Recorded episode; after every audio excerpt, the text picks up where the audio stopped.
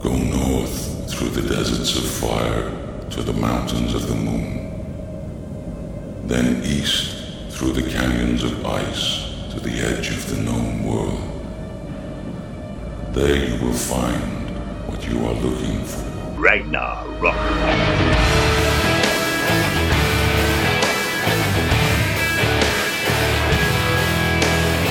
God kvöld og velkommen til Ragnarok og tvær tøymar vi Rotje og Tungvalme. Tvær samrøver Askromni og i kvöld.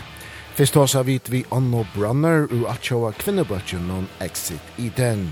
Vi prata om nukki uka og Torra 5 Fatal som var utgiven 12. januar.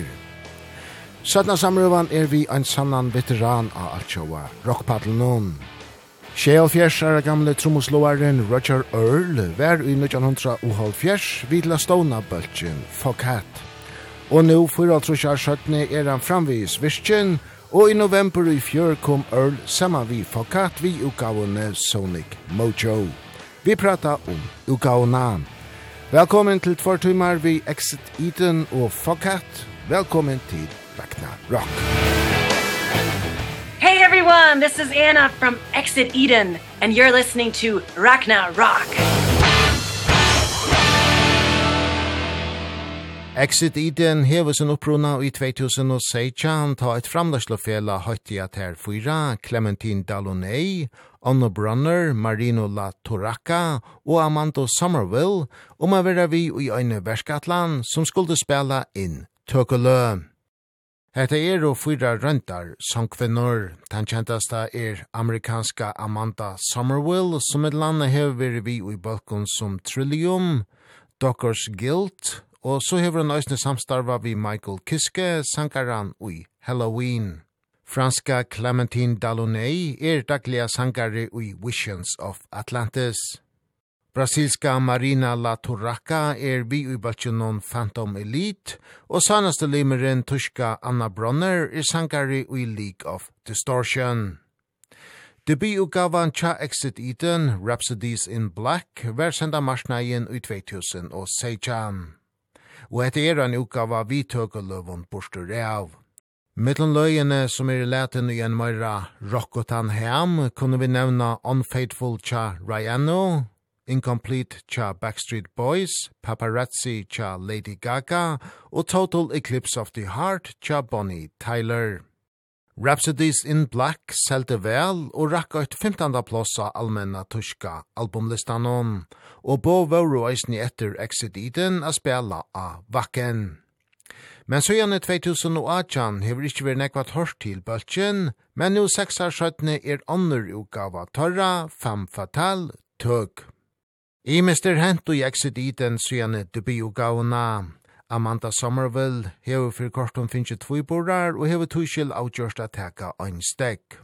Og i mån til Rhapsodies in Black så er det omframt seks tøkelo og eisne seks nyskriveir sjanger vi av fem fatal. Og i samband vi an og tjei ugavan er tøk, her vi finnes åri av Anno Bronner, og fyrst byrja vi hos hon blei partur av Exit Eden we could talk for uh, an hour for only uh, the the beginnings of Exit Eden because it was kind of crazy. The whole idea was actually from the production company.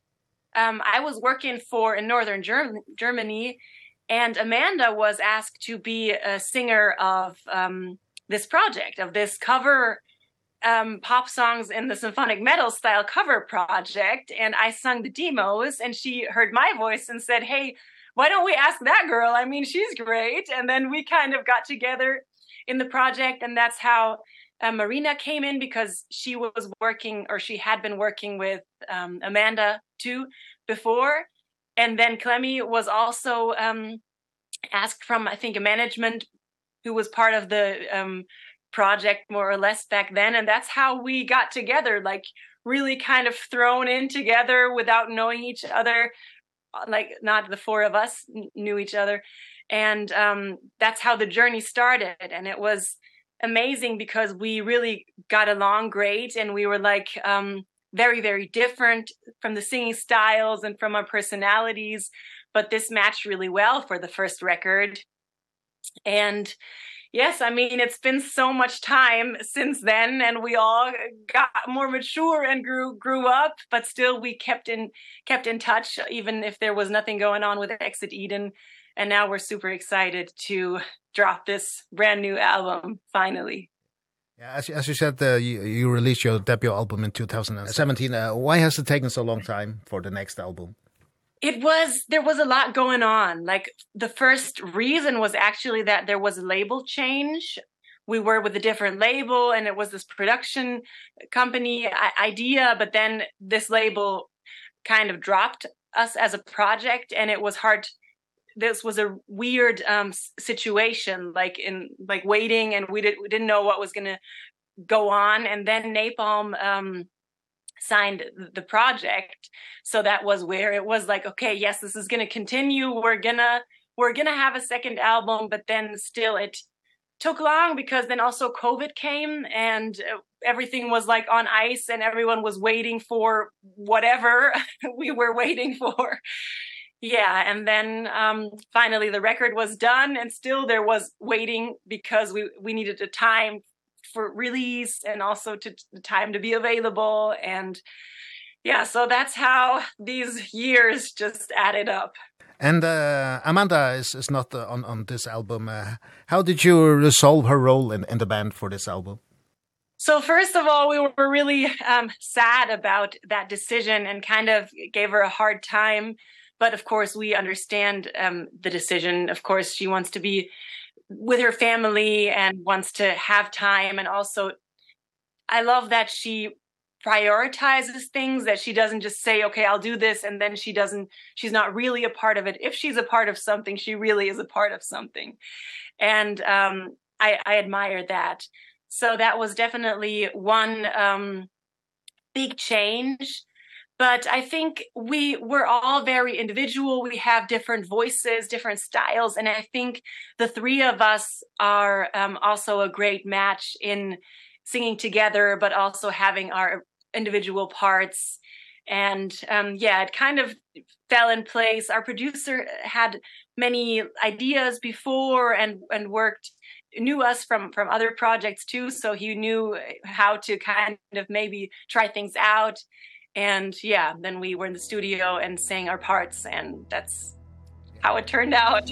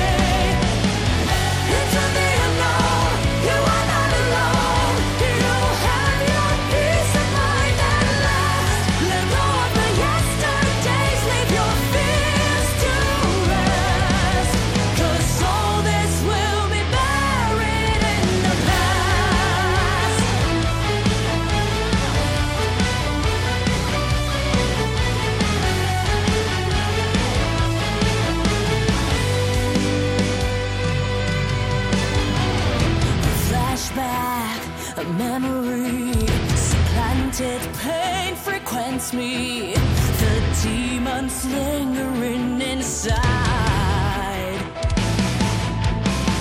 Suppression reproaches.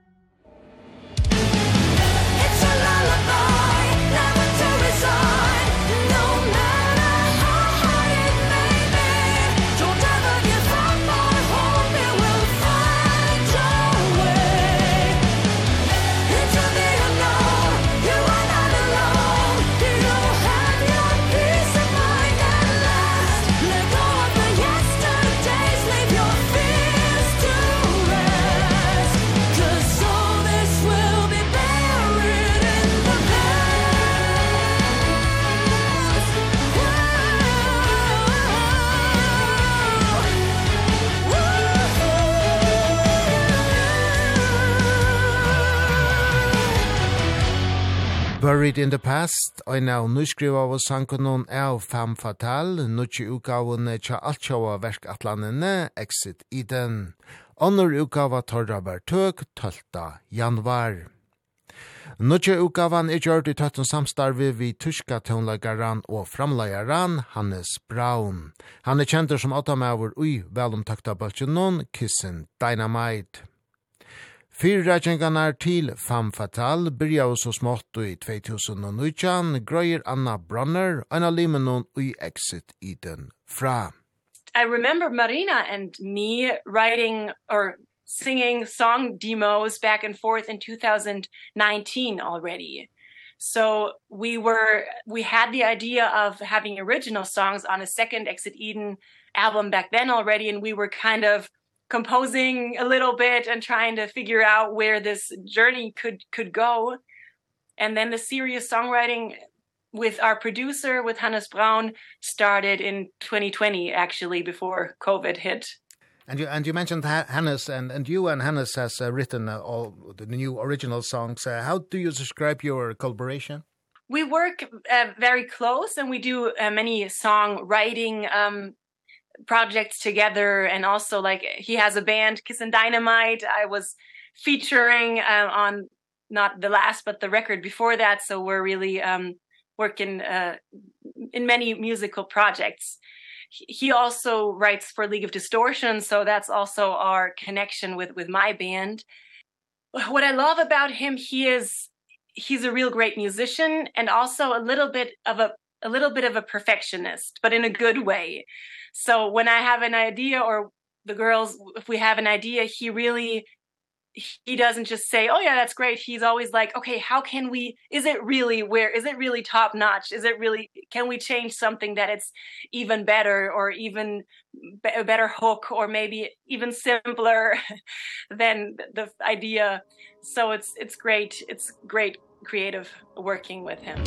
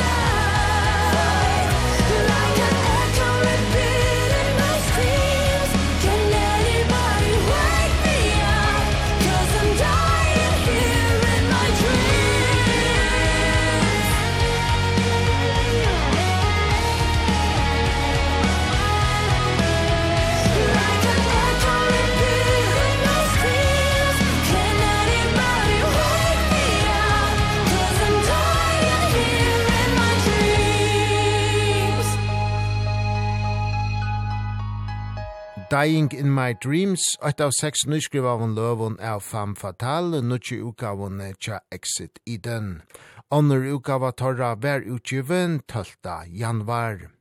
Sanjen hevur gesturin i kvöld, Anna Bronner, skriva saman vi framleier og leskrivar Hannes Brown if you come to the, the, the original songs, uh, what can you say about the, the lyrics? Are there a theme or, or a concept? They, they should be in the symphonic metal style. Like they do have a slight darkness to the topics, but still they also have an empowerment.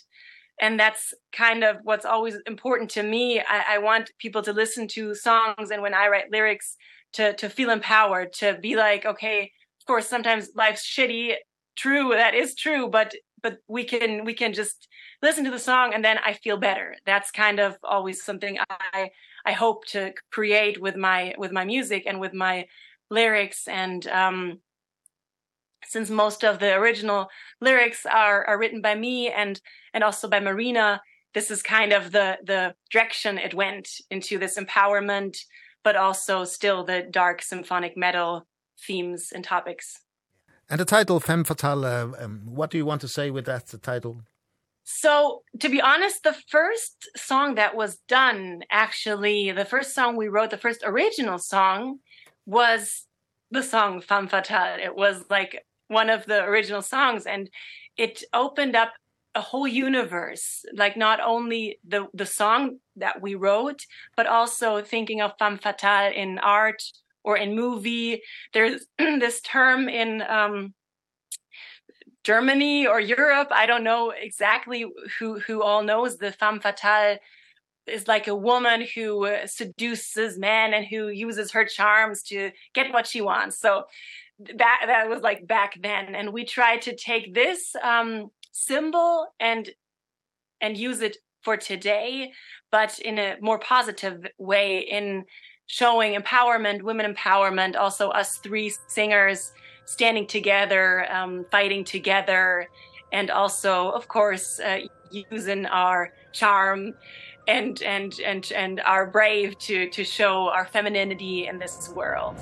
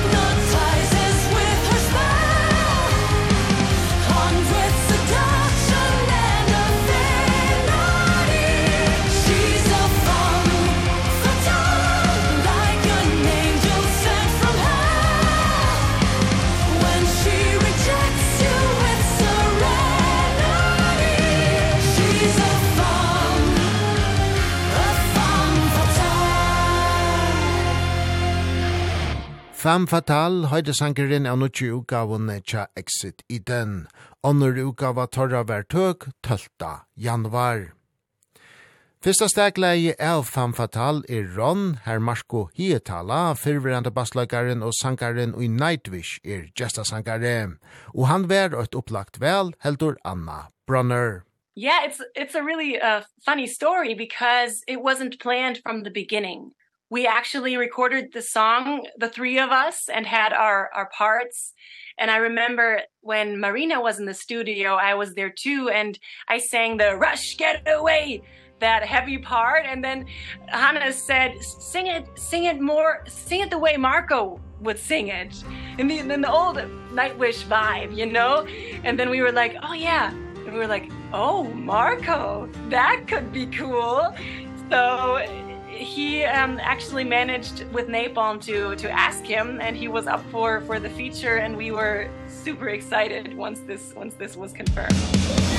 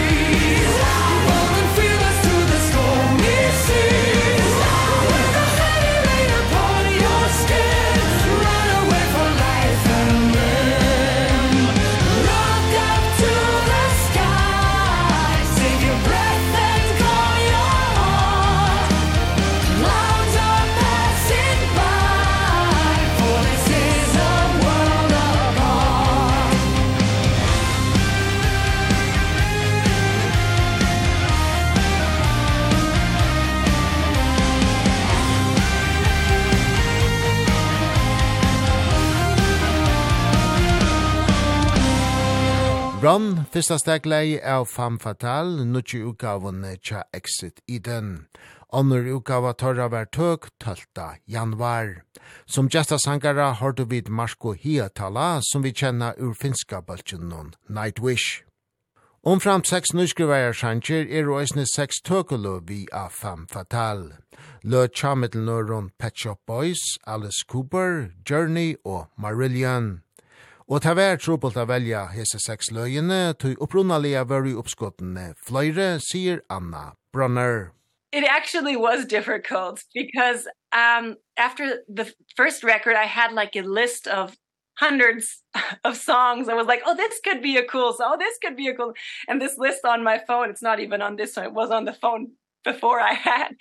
And there were so many crazy ideas but once we were in the creative process of Femme Fatale of the album um we noticed that we don't want to have these crazy cover songs. We wanted to be like one piece of music and to to to be an album where the songs really fit and it doesn't it's not like this from from this style and they kind of kind of don't really fit. So this it was hard to um choose them but this was more or less um our producer and the label who really made the decision. So that's why we were kind of relieved to not have to figure out and choose six songs from 350 or something. And and what what do you think you, you give the this uh this songs compared to the original? So we do want to keep the vibe. We didn't want to have like a totally different song with like different parts or I don't know. It should it should still stay in the in the vibe of the original but still in a special way that people were like maybe it keeps the good or special things from the song but it adds maybe a shout here and there and also sung by three girls or three women.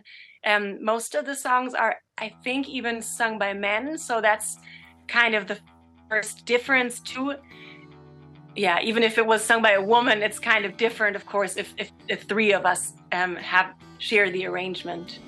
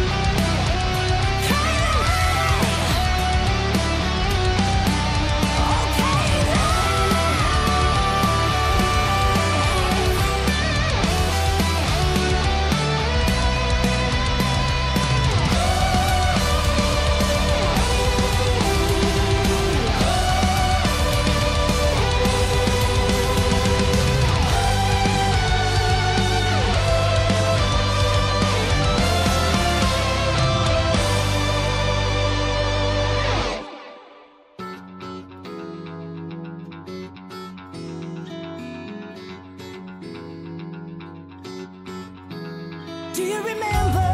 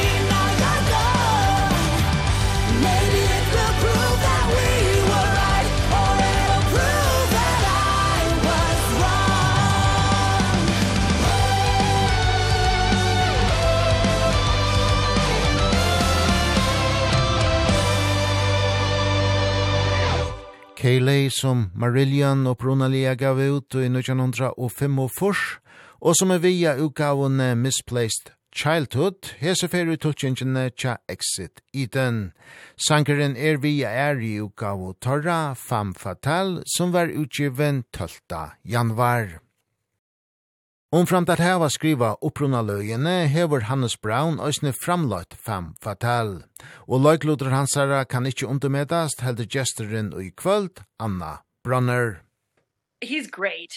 He's um really I just admire him as a musician and his productions are also very musically and also very there's details and there's like he's not content quickly in the first like round he really always tries to to push it to the best in the production but also in the studio. Like uh, recording vocals with him is really great because he kind of tries to push push us to the the best to to the limits. And sometimes i'm like oh no this would this would be weird. And I'll, he'll just just try it. If you don't like it then we can just no one will ever hear it. But if it's if this extra special touch is something that adds to something even more special then yeah let's try it. And that's one of the things i admire about him. And also with his with his songs. I just think he has a real great songwriting talent and working together with him mixing songwriting skills from from us. I think that was really really great fun. And jakob hansen has mastered the the album. What what do we give it the sound? I think he just like puts it to another another extra level. I mean, it's just master is just um I don't 100% know how the technical situation is how you really do things but it's just um it's just great to also have someone who has mastered so many other um albums in our style and also is someone who is well known and kind of puts another quality mark on our Exit Eden album. So I'm yeah, I think that's really really cool.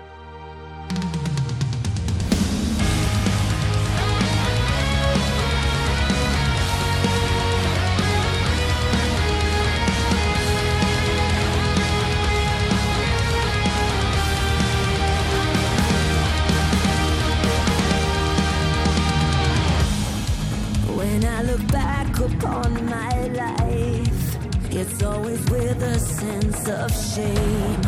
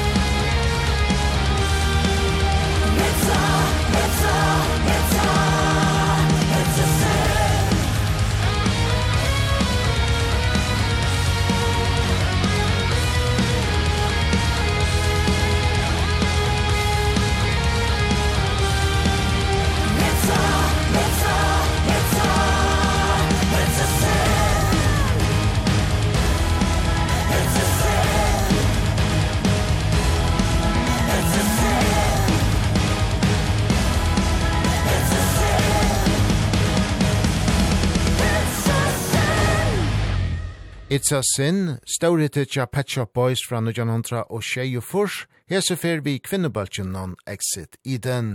Leie er vi er i ugavo Torra, Fem Fatal, som var utgiven 12. januar. Vi tar og i kveld vi Onno Bronner, av Tamon Trimon sankar non ui just exit i. And if you look at the uh, Femme, Femme Fatale and, and your debut album, uh, what do you think is the biggest uh, difference? There's many differences.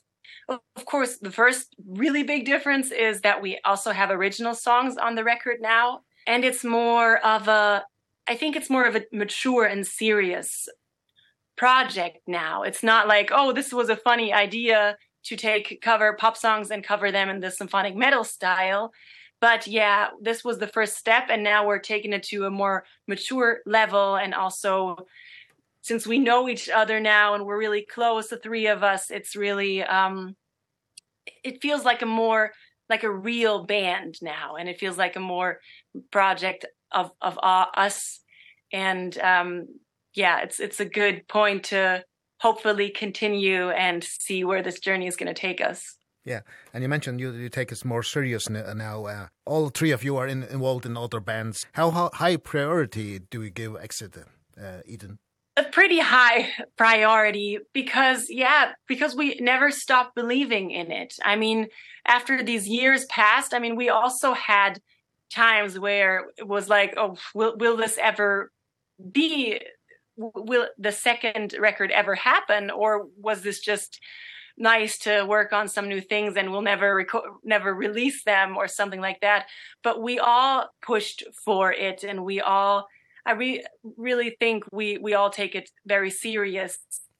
And also it's just so much fun to get together. And when we have the video or photo shoot we meet at one of our hotel rooms and just talk and talk and talk. And it's like oh gosh we got to get to bed because we have to be we have to be awake tomorrow. So it's really it's it's professional but also on a friendship level this this project means really really much to us.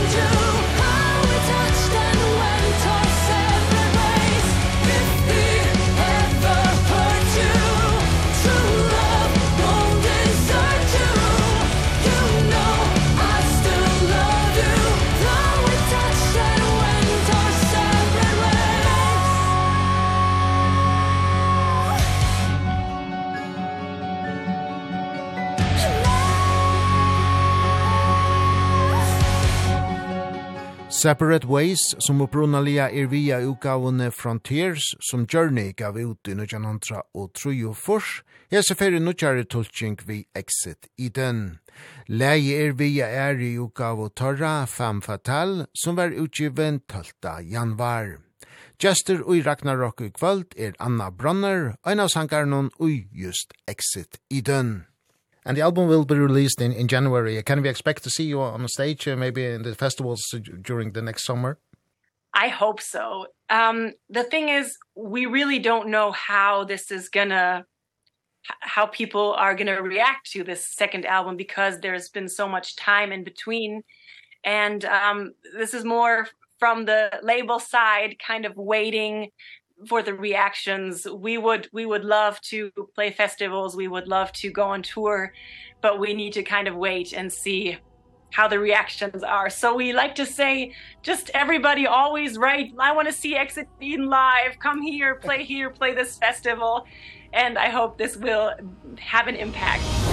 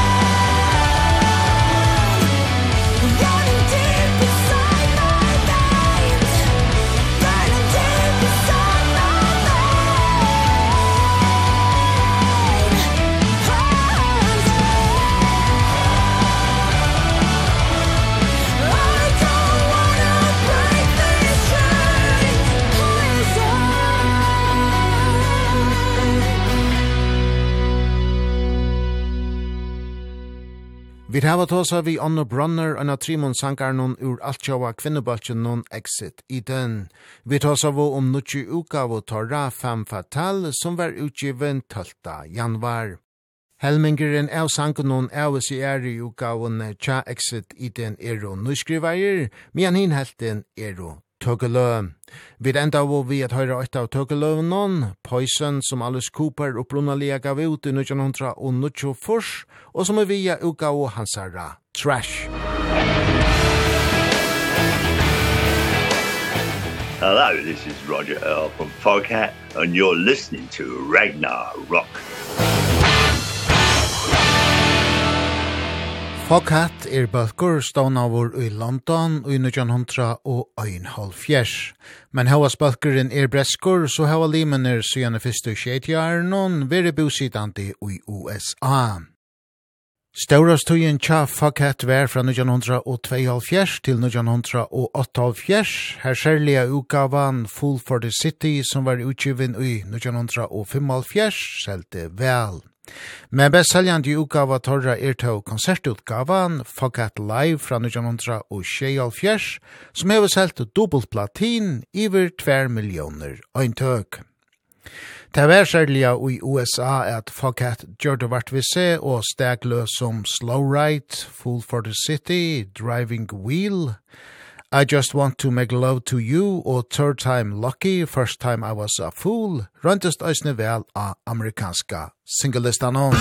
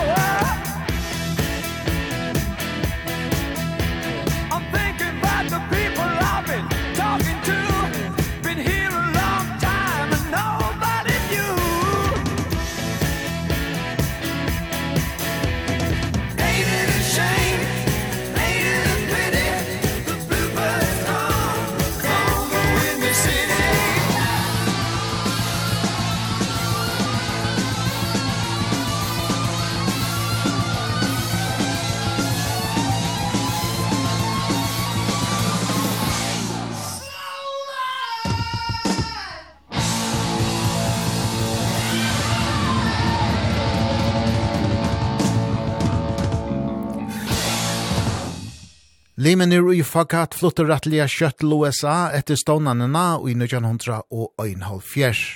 Årsøkjen var at bøkkeren fikk platesoppmala vi amerikanska platefelleie Bearsville Records, og her er det tøyr ui fakat framvis stedsetter nu iver halva øld 17. Tøyri fagat er framvis virkner, og 12. november kommer tøyr vi Seijando Studio gav søyne Sonic Mojo. Av opprunna manningen er best 64 år gamle trommoslovaren Roger Earl etter.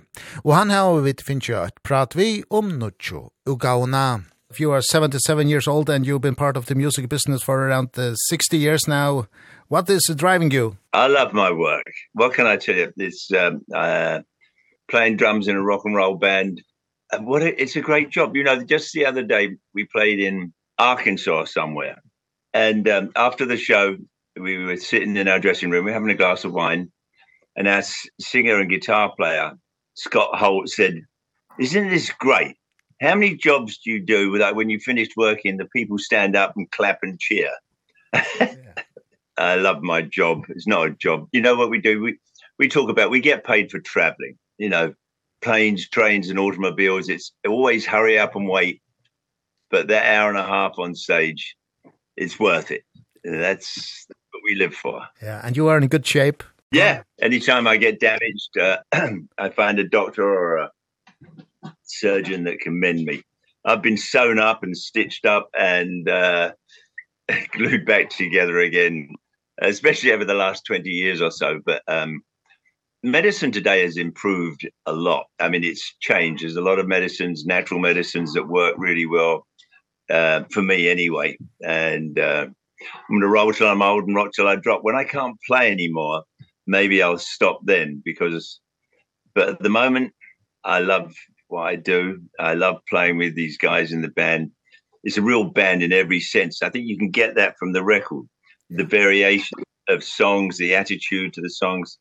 I mean, it's American music where it was based in America. The blues of course started everything, jazz, bebop then begot rock and roll country and western uh gospel music. This is the land where all this music comes from and it's a beautiful like conjoining of all that stuff. And i think Foghat, though we're basically a blues rock and roll band there's all those other influences that are out there that we every now and again we'll go I'll have a, I'll have a bit of that and put that in this song.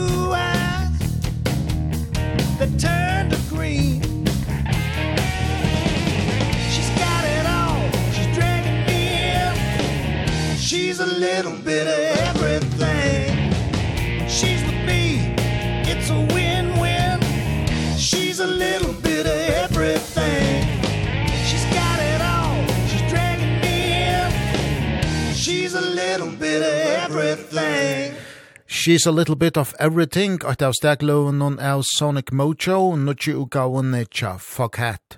Sejanda ugava torra var tøk 20. november. Teir og heilig tjejar lien syane Fuck Hat ugav nesten just i ugav søgna under the influence.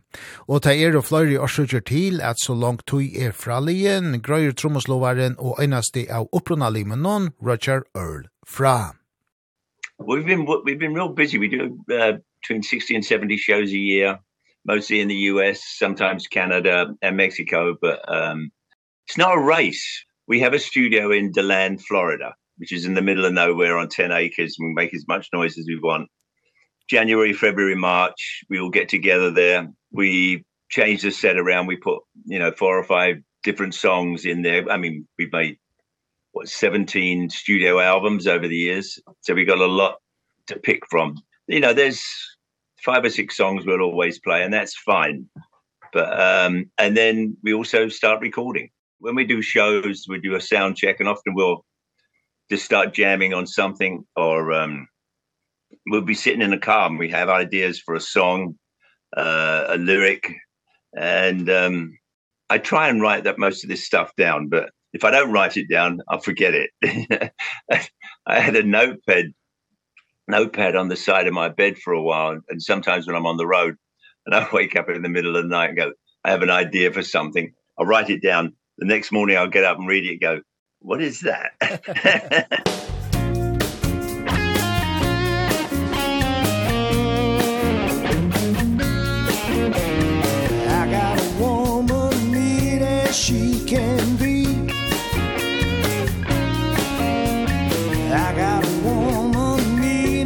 she can be. Sometimes I think she's almost mean as me. I get up and died of fright Cause she crossed my path last night. She kissed so hard, she bruised my lip. It hurt so good, my heart did flip, said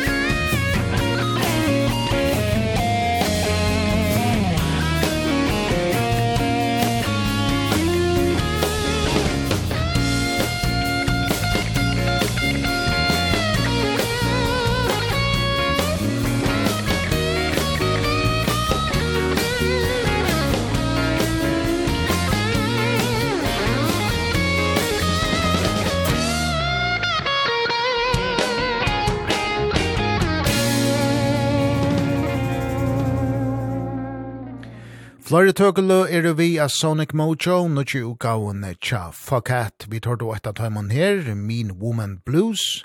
Leie tja Cloud Dimotrios fra 1900 og Sheihal Trush, som som etter tonlagarar som Elvis Presley, Roy Orbison og Jerry Lee Lewis hava gjørst suina tulking av.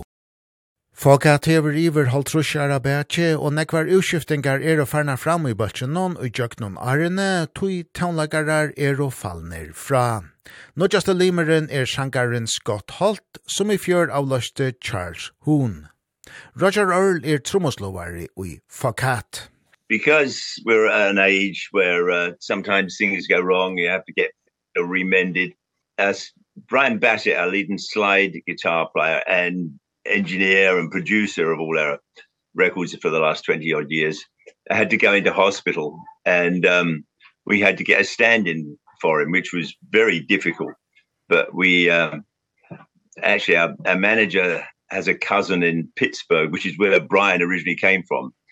And we were doing a show there, and he was in the opening band, which was like a, a an Allman Brothers band, you know, doing all. So you know he could play slide guitar and was a great player. So uh, that worked out, and then we decided, well, maybe we need a stand-in for everybody so i uh, i have two drummers that would stand in for me if i needed it. Bobby rondinelli did do that for me once. Bobby and i are really good friends. We've known each other actually since since i actually moved to the states i think. And um he filled in for me one time when i fell and broke my back. So uh rather than cancel the shows because promoters lose money uh everybody loses out. And uh Bobby's a good friend and, and a great drummer. So we all have stand-ins. at the moment. Uh, with Charlie Hume, about I guess two years ago, before we were about to go on tour, uh, sent a text to our manager and said that he was retiring, which kind of came as a shock. But I, I, I know he'd had some health problems and like he was struggling. If we do like three days in a row, singing was difficult for him you know because um, it's a rock and roll band you're not doing maybe one blues song one ballad that's it. So uh, uh that was a little strange actually. You know we got he gave us 3 days notice. I've known Scott since 2004 Scott Holt has were learned his trade. He was with buddy guy for 10 years. And so you know the man can play guitar and sing and he's deeply immersed in the blues so uh, it was uh, it was a real natural fit. In fact I'm having the time of my life with this band. I love working with them. I love playing with them creating um it's uh, we have a good time. We have fun. Isn't fun the best thing to have? Yeah yes. And how how do you describe him as a singer? He has a, he has a great a really great blues voice. He comes from Tennessee, so he's got that sort of southern twang. He's not unlike Lonesome David, our original lead singer. He's immersed in music, blues and rock and roll. He has great knowledge of all that stuff. Um he's uh, he has a, a record store in Columbia, Tennessee. He has a partner who works and like so he has vinyl all the time and he loves listening to vinyl and uh in fact one of the songs on the album um I don't appreciate you I I I initially wrote the lyrics and had some ideas for it. And at the time Scott got into early punk like the uh, Sex Pistols stuff like that. And I don't appreciate you is um it's a uh, it's a very polite way of saying f you to somebody. And that sort of took on like a more punky sort of attitude. Um uh, basically youth you know you play it fast and hard.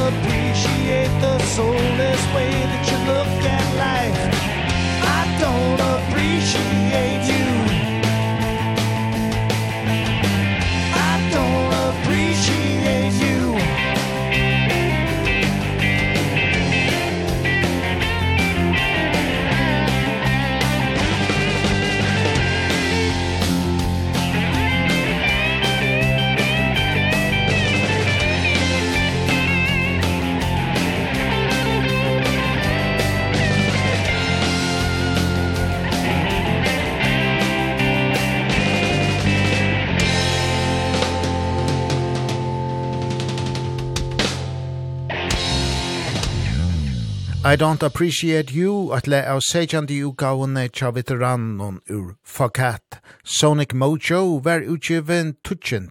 november. Trutcher av sangen av Sonic Mojo hava særlig an tuttning fire gesten i kvöld, Roger Earl. Sanjanar Driving On, She's a Little Bit of Everything og Time Slips Away hever han skriva sama vi Kim Simmons. Ein tónlagare Earl hevur samstarva vi nærum altså i tónlagalia Luiv. Middelen anna fra 1938 til 1970 og i baltjennom Savoy Brown. Årsøkjen til at sannsjenner er og særlig er at Kim Simmons døye i fjør 75 år gammal. Yeah, Kim passed this last uh, December. Um, since about 1976, Kim and I reconnected again after myself and Lonesome David left Savoy Brown in 1970 71 and uh, we became uh, you know we started doing shows together. And in fact the last 10 years or so Kim uh, Savoy Brown was with the same agency as us. So we did shows together. I would get up and sit in with Savoy Brown and Kim would get up and play with Folkat. it was really good. Kim played on our last our previous studio album Under the Influence. And um I and after he he played on about four songs I believe. And afterwards we were just in uh that was 2 days down in Nashville. And then he said to me he said Roger said I'd really like to write some songs for Foghat. I said that would be great. But you have to play on them. And he said okay he sent me four songs about 2 years ago. Covid was still rampant so we couldn't get together we couldn't be in the studio. I basically had 2 years off. Um i haven't had a holiday since i was 12 years old i don't think. It was good on that. But then kim became ill and um he couldn't play on the record but he sent me these four tracks uh his vocals a guitar and i think it was like a click track. Um, there was no bass and drums on there. And um, they were fantastic, fantastic lyrics. It was like they were made for folkat It was sad losing Kim. I went to his funeral. Actually, I have to go to a funeral today. He was a brilliant blues guitar player. And he was one of the nicest, most genuine people I've ever known. Kim and I never, ever had a crossword with each other. Even right at the very beginning when I joined the band when I was about 19 or 20 years old, Kim and I were always always gone fine. Uh like when we did the first album with Savoy Brown, you get one take on each song. That's that's what it was like back then. We were doing this song You Need Love that had a bass solo and a drum solo in it. So we we're playing it and uh I drop a I drop a stick in the middle of my drum solo. Kim comes over to me and says, uh, Rog, um, you know, if you don't get it right next time, we're not doing the song. Nothing like a little pressure. now, Kim and I uh, always got on really well. We uh, shared the same passion for playing. He was a brilliant blues guitar player and uh, yeah, I miss him. I miss him.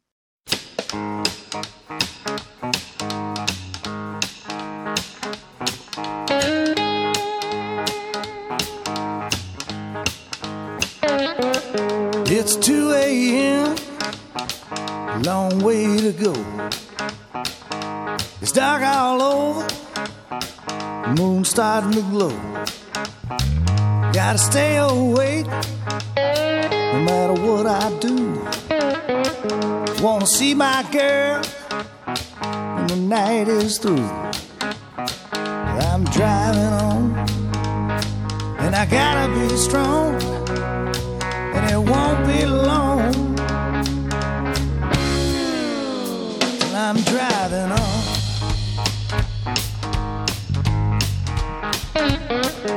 She'll be waiting for me to pull in. I'll be so happy to let loving begin. Having a way couldn't get home. Now I'm ready Been too long gone.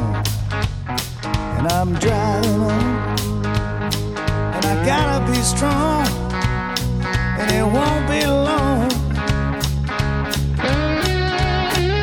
I'm driving on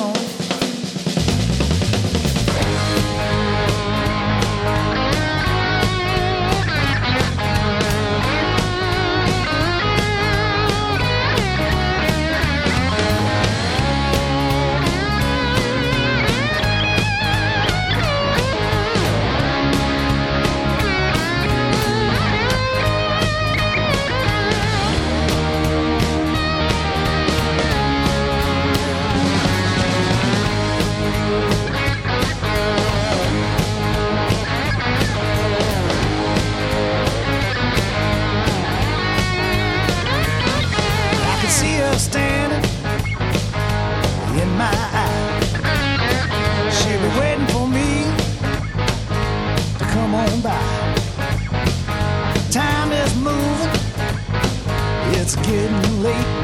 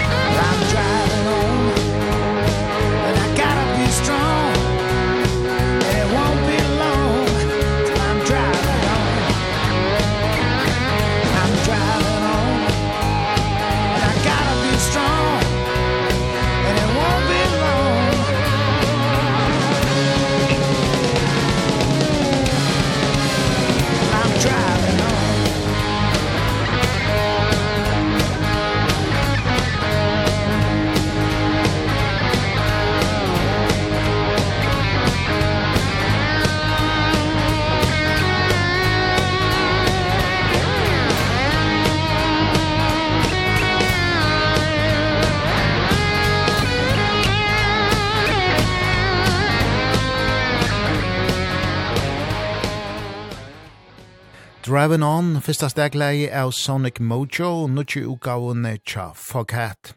Sejanda utgava tarra var tøk 20. november. Sanchen skriva av limener ui Foghat saman vi Kim Simmons, som vi kjenna urbatjen non Savoy Brown. Simmons som døy i fjør, hever vi til a skriva trutjar sanjer av Sonic Mojo.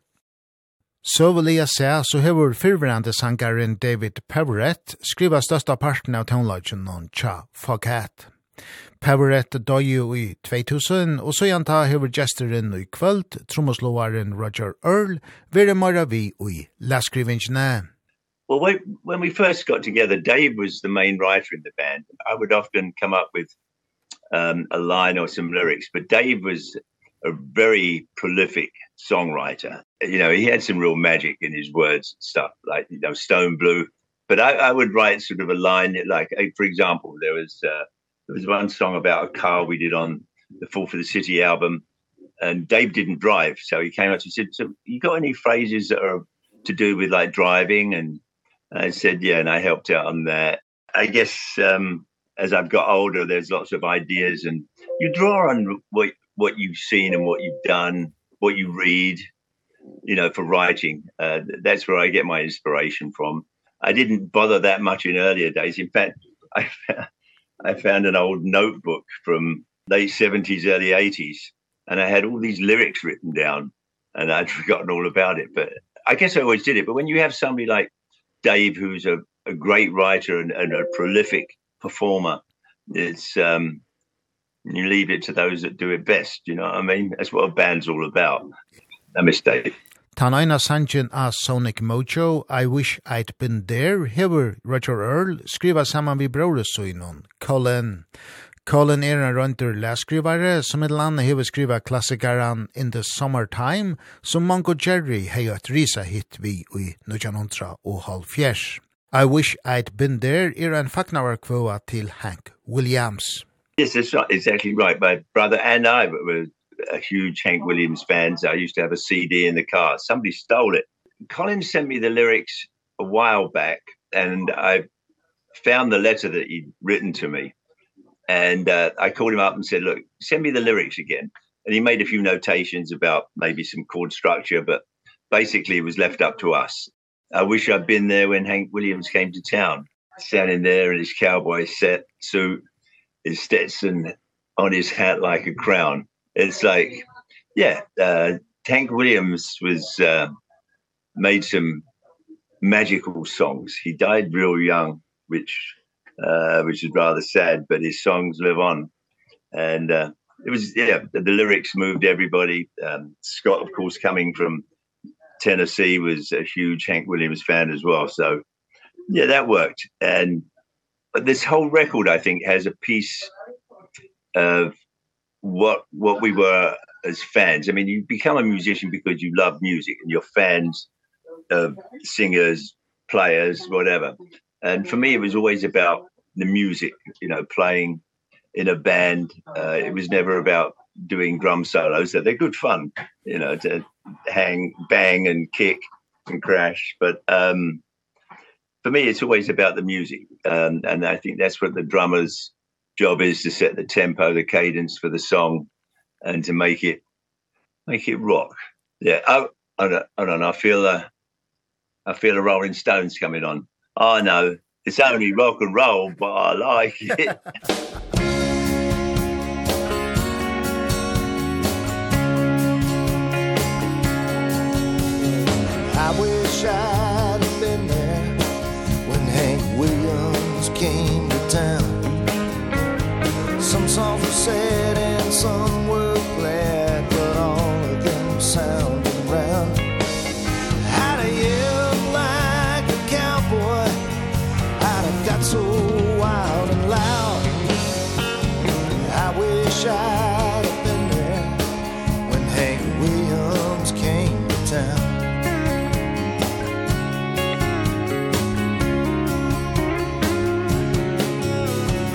wish I'd seen those drifting cowboys when they came to town.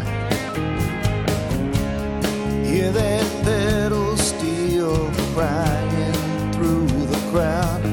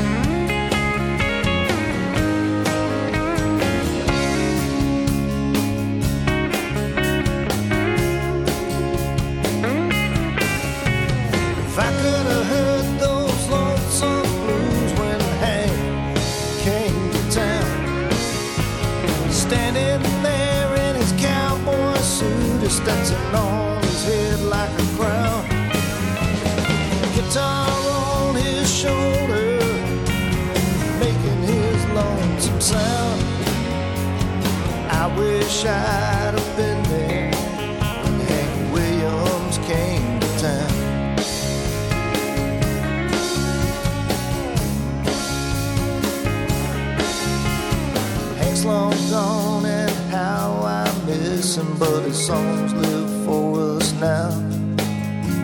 His country blues, his hillbilly tunes And his lost highway sound. I'll go to Alabama some night Yeah, I'll be there in the crowd.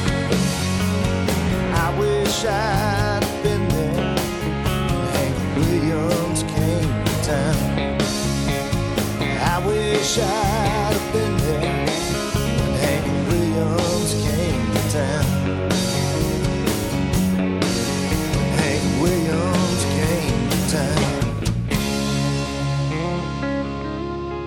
I Wish I'd Been There, ein fagnavar kvua brøverner Colin og Roger Earl hava skriva til Hank Williams. Sankeren er vi a Sonic Mojo, nutje ukaun tja Foghat. Sejanda studji ukaua torra vertøk 20. november. Hetta er ikki einasta fagnavar kvøan a ugaune. Roger Earl hevur eisini skriva ein sang til gitarleikaran Rod Price, sum var partur av Foghat 2 tujarskai fra 1900 og 1904 til 1900 og fors, og så gjerne fra 1900 og 1953 til 1900 og 1905. Price døye i 2000, øynas Sjealtrush er Gamal. I've been writing a, a lot since um, we formed this band. Um, ideas, everybody comes up with ideas. Um, like there was one song in here which, which was uh, I wrote as a tribute to Rob Price. Um, that's what inspired it initially. Black Days and Blue Nights. Rob Price was a brilliant lead and slide guitar player. He really was. But he struggled with he wasn't happy being on the road. He really liked, you know, he loved playing, but um it was hard for him I think to to travel. So that I wrote and and he would get depressed, but he was a brilliant guitar player and I wrote that song for him and then Scott took it and added some other lyrics and stuff. Yeah, it was a tribute to Rob Price, Black Days and Blue Nights. It's a blues song, but it's kind of it's just talking about an old friend. I've got a lot of old friends that aren't here anymore. I have to go to in fact I have to go to a funeral today. I'm leave as soon as I'm finished talking with you. Our um lighting and stage designer and uh stage manager passed away. He was with us throughout the 70s and uh, we remained really good friends. We'd go fishing together. Jimmy Otida, he was my brother and uh, it was sad. Everybody seems to be leaving.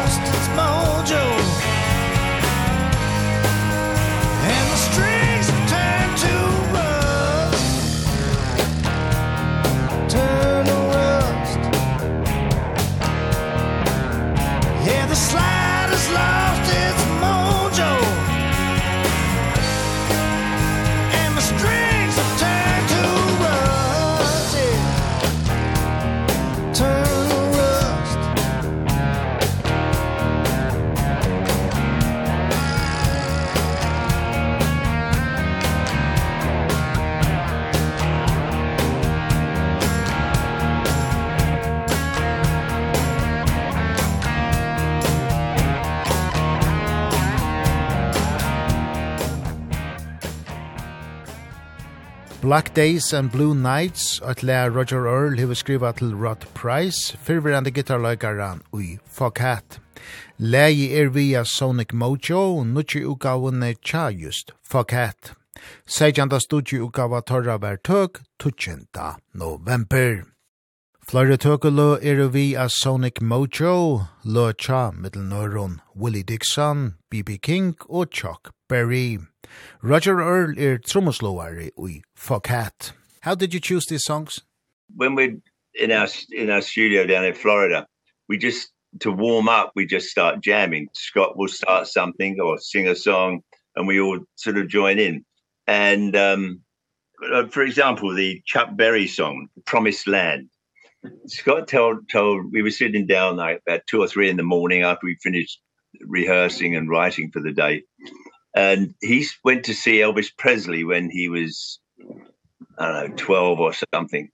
His mother took him to see him. And Elvis did Promised Land, Chuck Berry song.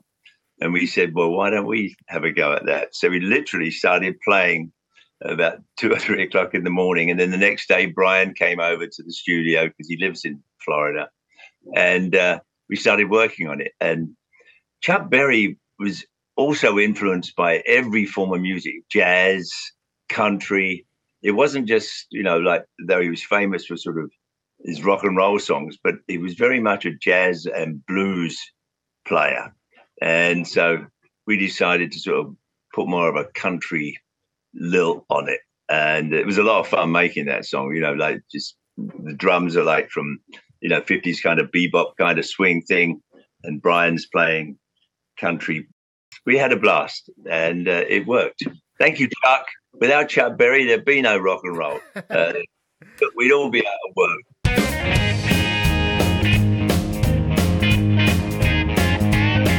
Well, I left my home in Norfolk, Virginia, California on my mind. Straddled that Greyhound Road and into Raleigh and on across Carolina.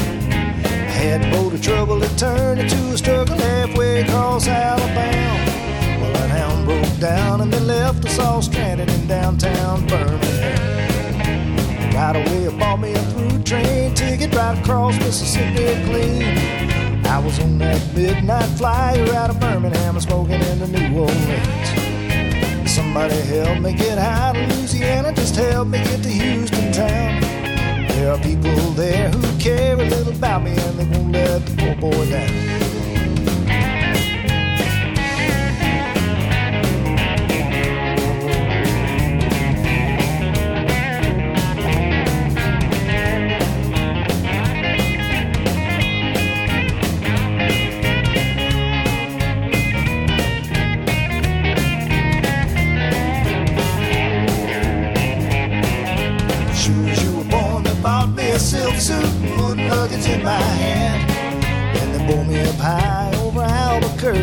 jet to the promised land.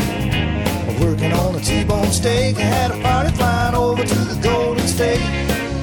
The pilot told us in 13 minutes He would set us at the terminal gate. Swing old chariot, come down Easy taxi to the terminal zone. Cut your engines and cool your wings And let me make it to the telephone. Los Angeles Give me Norfolk, Virginia, Tidewater, 1409 Tell the folks back home this is the promised land calling and your poor boy's on the line.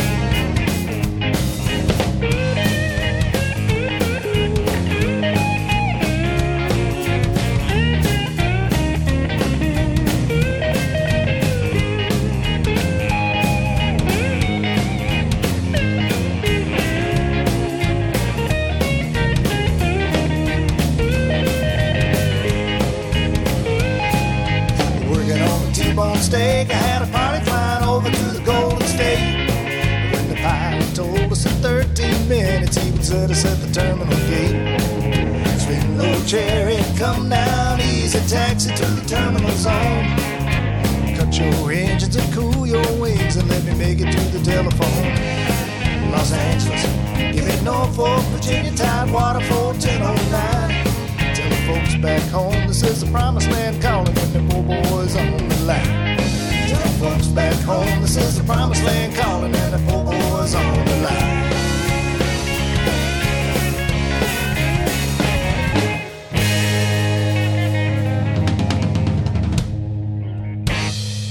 Promised Land som Chuck Berry og Pronalia gav ut i 1900 og 4 trus, hesefer i nødkjæri utgav og vi Foghat. Leie er vi av nødkjæri utgav og torra Sonic Mojo som var utgiven seitjanta juni. And if you look at um, Sonic Mojo and, and uh, Foghat's uh, previous album, can you see an indifference between this new album and, and the previous one? I think it's, um, it's got a piece of everything that this band is about in this album there was a lot of songs that we've got probably at least another maybe a dozen tracks of other songs that we'd written but there's some songs you know come to you and you go and everybody goes this is great. Wow. You know everybody loves it. And other songs you nah, nah, I think we could do that better. But with this song with with this record every single song the band was everybody was for it. And like there was like I said there's at least 10 or a dozen other songs that we recorded but they didn't uh, they didn't quite have that bit of magic or you know the thing is you put the, the you listen to it and the playbacks and stuff. And if you want to get up and dance we'll keep that one.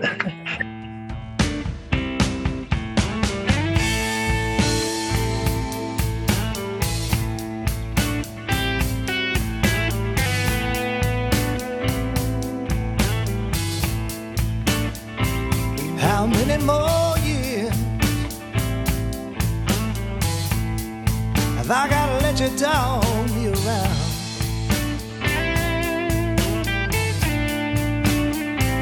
How many more years I gotta let you down, me around?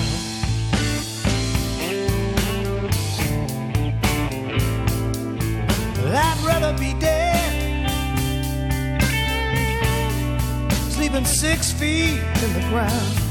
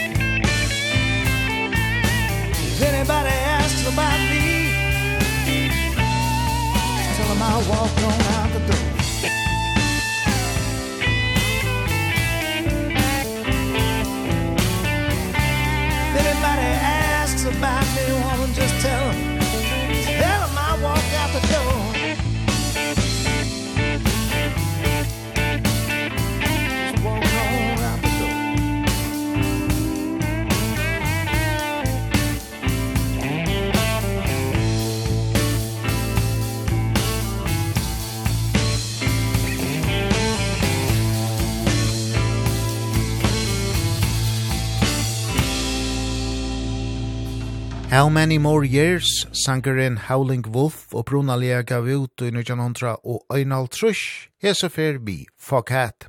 Leier vi anotjo studio gav og torra Sonic Mojo, som var utgiven 20. november. Nu er hendan seikjanta studieutgavan tja Fokatso utgiven, og nasta male tja baltjonon er affæra av eina europeiska konsertfer. Fokat hever ikkje spalt ui Bretlandi, så gjerne fyrst ui Sheitjar non.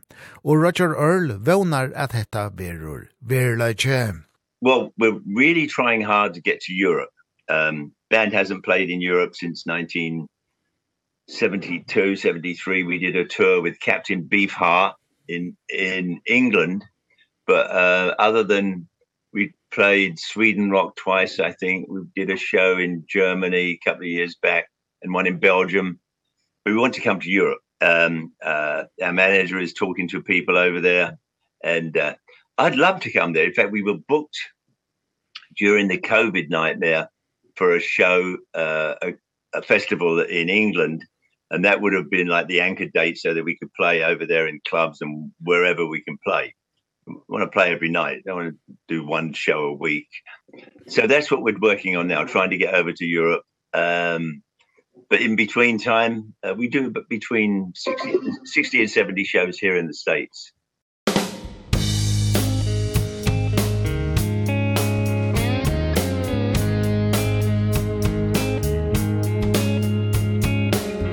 Slowly i move with a dying day. In the caress of shadows gray. Turning off my thoughts and closing up my mind chaos and the noise behind. Time slips away. Time slips away. Time slips away. Time slips away.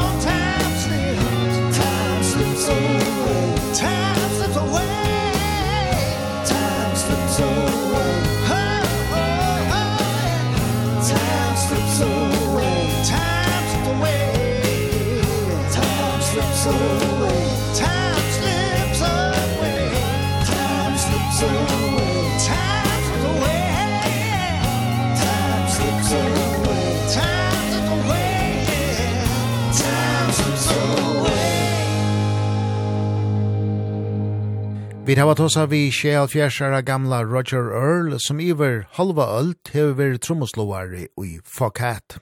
Vi tosa vi om nukje uka av torra Sonic Mojo, som var utgiven 20. november. Vi spalte oisne flore lø aveste seikjandi uka av tja Fokat, og nå til søgnast hårdu vid Time Slips Away.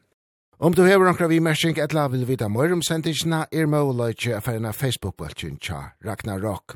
Her finner du playlistar og anna tilfær. Møguleitje er røsna tøyra hesa og undanfarnar sendingar av heimasuju okkara kvf.fo framskak Ragnar Rock. Ragnar Rock er atra skronni om eina viko vi samrøvun og nutjon. Taunleitje.